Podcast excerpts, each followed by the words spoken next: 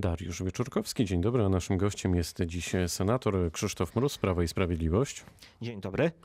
Panie senatorze, w ciągu najbliższych dni, a być może nawet godzin, bo dziś minister Dworczyk o tym powiedział w radiowej jedynce, mamy poznać dalsze szczegóły związane z otwieraniem gospodarki. Jednocześnie do sądów trafiły pierwsze pozwy od firmy za lockdown. Czy ma pan, panie senatorze, informacje, ile konkretnie pieniędzy z różnych tarcz trafiło już na konta przedsiębiorców? No to zależy, czy liczymy to tego rozdania jesiennego, czy od początku. Od początku e, od marca to już są w miliardach idzie. Natomiast e, te pieniądze, które trafiły w grudniu, w styczniu w ramach e, tarczy finansowej Polskiego Funduszu Rozwoju, no to na razie w granicach 3 miliardów złotych. Wiem, wiem, że spotyka się Pan na co dzień z różnymi przedsiębiorcami, również z dolnoślązakami. Ma Pan takie poczucie, że ta pomoc zaproponowana przez rząd jest wystarczająca? Ona jest efektywna? No, z punktu widzenia przedsiębiorców, e, każda pomoc, która nie obejmuje 100% utraconych e, dochodów, no jest niewystarczająca. Natomiast my musimy patrzeć na możliwości finansowe państwa i na te możliwości finansowe państwa Polska daje jedną z najwyższych e, pomocy mm, covidowych dla przedsiębiorców w Unii Europejskiej. Wiosną dawaliśmy pieniądze wszystkim, którzy spełniali mm, kryteria, natomiast bez nawet weryfikacji dla mikroprzedsiębiorców mm, spadku dochodów. Natomiast od jesieni, e, no tutaj już e, troszeczkę są e, obostrzenia polegające na tym, że dajemy selektywną pomoc tym, którzy autentycznie mm, ponieśli duże straty. Powyżej 30% spadły przychody. No i oczywiście określonych branż po tych słynnych kodach PKD. Prezydent Andrzej Duda wczoraj podczas spotkania z członkami Rady Przedsiębiorczości powiedział, że mimo wszystkich problemów, mimo różnych także potknięć, które nieraz występują, bo jak to ujął prezydent, to jest życie. Generalnie wydaje się, że od strony gospodarczej sytuacja w Polsce nie wygląda źle. No to skoro dziś się spotykamy z członkiem Komisji Budżetu i Finansów Publicznych, to proszę powiedzieć, w jakiej kondycji w tej chwili jest nasz budżet? No, w tym roku dopiero zaczynamy budżet, e, bo mamy styczeń. E, za grudzień mamy bardzo dobre e, wyniki gospodarcze, jeżeli chodzi o produkcję. W styczniu danych oczywiście jeszcze za styczeń nie mamy. Budżet jest zbilansowany, będą większe wpływy z zysku Narodowego Banku Polskiego, które też zasilą e, tegoroczny budżet. E, więc e, pan premier wczoraj zapowiedział, że szacunki mamy takie, że wzrost gospodarczy w tym roku będzie ponad 4%. No w związku z powyższym, jeżeli będziemy mieli wzrost gospodarczy 4%, no to i wpływy budżetowe będą myślę, że nawet większe niż te, które są założone w budżecie, w ustawie budżetowej na rok 2020. Więc ja się o budżet państwa nie martwię.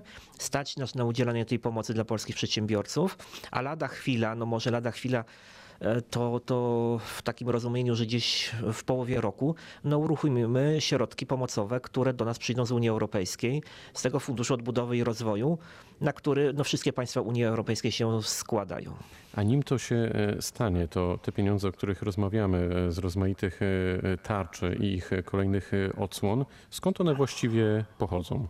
To są jakieś rezerwy, czy to są pieniądze, które w jakimś sensie też były na różnych płaszczyznach poukładane i po prostu w tej chwili rząd po nie sięgnął? No to zależy z którego mechanizmu.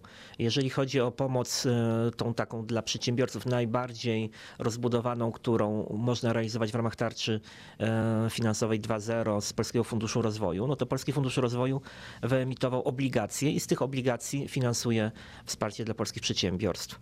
Natomiast jeżeli chodzi o mm, tarczę branżową 6.0, e, to tutaj częściowo pieniądze są z budżetu państwa, na przykład rekompensaty dla samorządów E, rządowy Fundusz Inwestycji Lokalnych, to idzie wszystko z samorządu, natomiast e, umarzanie z ZUS-u idzie z, e, z Funduszu Gwarantowanych Świadczeń Pracowniczych, jak również z no, Funduszu Ubezpieczeń Społecznych. Ja pytam e, o te źródła finansowania nie bez powodu, bo bardzo często widzę rozmaite komentarze, e, nawet na stronie radiowrocław.pl, które e, wskazują e, zawsze takie mm, pytanie o to, czy nie przyjdzie nam, nam mówię temu przysłowiowemu Kowalskiemu, za jakiś czas zapłacić e, za te wszystkie tarcze. Czy ma pan takie poczucie i może pan na przykład uspokoić Dolnoślązaków, że e, te tarcze to jest jakby osobna historia i na przykład my za jakiś czas nie będziemy musieli tego wszystkiego spłacać na też jakby różnych e, płaszczyznach, chociażby w postaci podatków. Budżet mamy zbilansowany w tym sensie, że wszystko to, co zostało zapisane w budżecie, na to jest pokrycie finansowe. Nie tylko na pomoc dla przedsiębiorców, ale również przecież nie wstrzymaliśmy żadnych e, programów socjalnych, a nawet, powiem więcej, w tym roku e, będzie uchwalona i wypłacana e, po raz pierwszy 14 emerytura w grudniu e, dla emerytów i rencistów. Więc gdybyśmy tych pieniędzy nie mieli, no to byśmy tych e, środków nie wypłacali. Nie mówiąc już, że trzynastka oczywiście lada chwila będzie wypłacana, czy utrzymane wszystkie świadczenia, e, świadczenia plus plus ta szeroka pomoc. E, Oczywiście mam świadomość tego typu, że przedsiębiorcy zawsze chcą e, tą pomoc większą, ale na tle innych krajów Unii Europejskiej proszę mi wierzyć, mm, że ta pomoc, biorąc pod uwagę co się dzieje w Hiszpanii, w Portugalii, we Włoszech, w Grecji, e, to nasi przedsiębiorcy nie mogą narzekać. Oczywiście no, większa pomoc jest w bogatych Niemczech, ale e, tutaj no, trudno nam się ścigać z bogatymi Niemcami. Natomiast na tle innych krajów Unii Europejskiej, także tych zachodnioeuropejskich, ta pomoc dla polskich przedsiębiorców, a przede wszystkim sytuacja gospodarcza i budżetowa jest bardzo dobra. Prawda? Większość krajów, łącznie z Francją, mają gigantyczne deficyty budżetowe, dług powyżej już wsze- wszelakich limitów, em, które są dla strefy euro.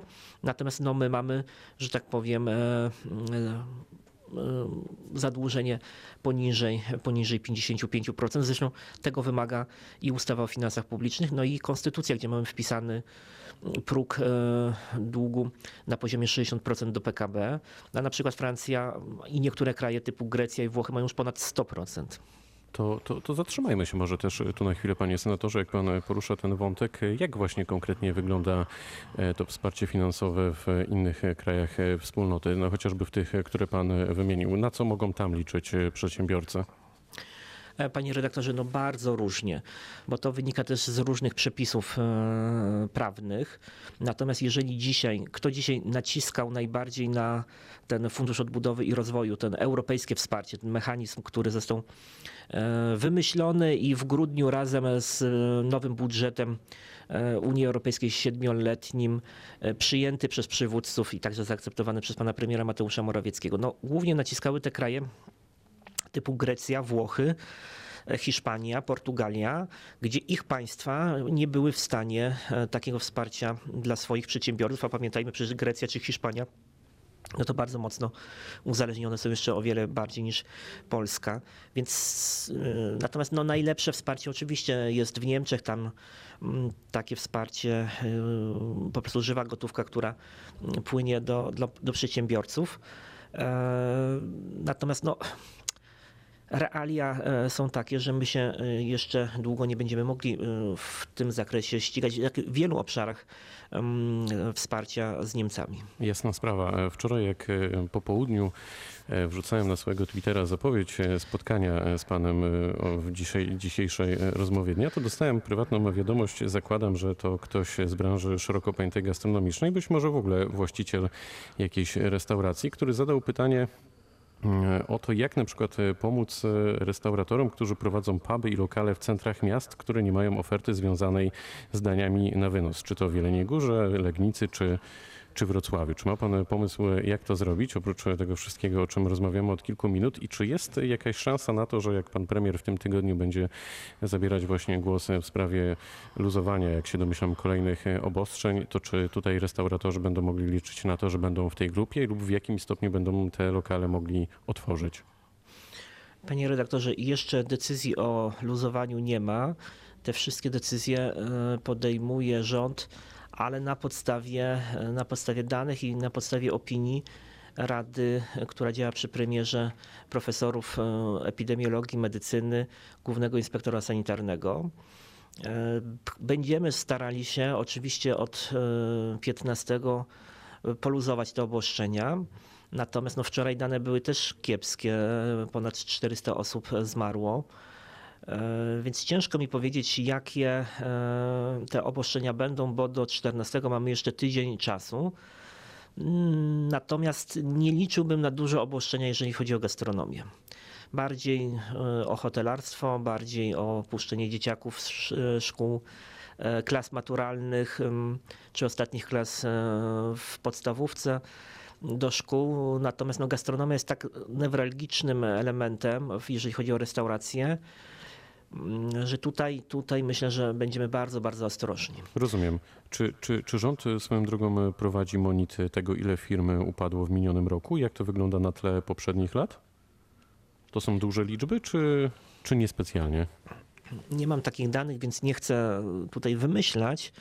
Natomiast y, no, rząd jako tako, no, są główne urząd statystyczny, gdzie się wyrejestrowuje i rejestruje dane i te dane oczywiście są dostępne nie tylko dla rządu, ale także dla każdego, kto, kto w odpowiednim e, miejscu mm, w ramach zakładek e, na stronie GUS-u to sobie sprawdzi. Natomiast no, e, panie redaktorze, jeżeli my mamy w tym roku zakładany wzrost gospodarczy na poziomie 4%, no to nie ma jakiegoś masowego upadku firm i nie będzie. Tak samo jak w roku 2020 bardzo nieznacznie nam wzrosło bezrobocie. Więc tutaj mimo wszystko uważam, że sytuacja i gospodarcza, i polskich przedsiębiorców jest dobra, co nie oznacza, że poszczególne podmioty gospodarcze nie będą miały problemów.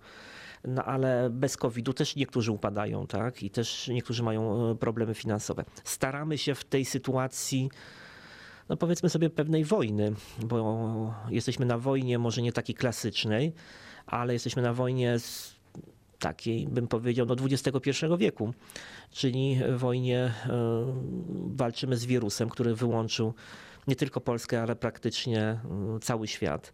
Więc na tle tego, co się dzieje, tego, że we Francji codziennie o godzinie 18 nie można wyjść z domu, bo jest godzina policyjna. Proszę zwrócić uwagę, jak myśmy wprowadzili jeden dzień w Sylwestra, godzinę policyjną, no to był lament, tak? Natomiast no, we Francji, żeby wyjść, nie wiem, po zakupy o godzinie 18 wieczorem, no to nie ma takiej możliwości, tak? Zgadza się. Panie senatorze, e, powoli musimy kończyć. E, Wczoraj parlamentarzyści i samorządowcy Prawa i Sprawiedliwości z Dolnego Śląska ogłosili zmiany w podziale unijnych e, pieniędzy.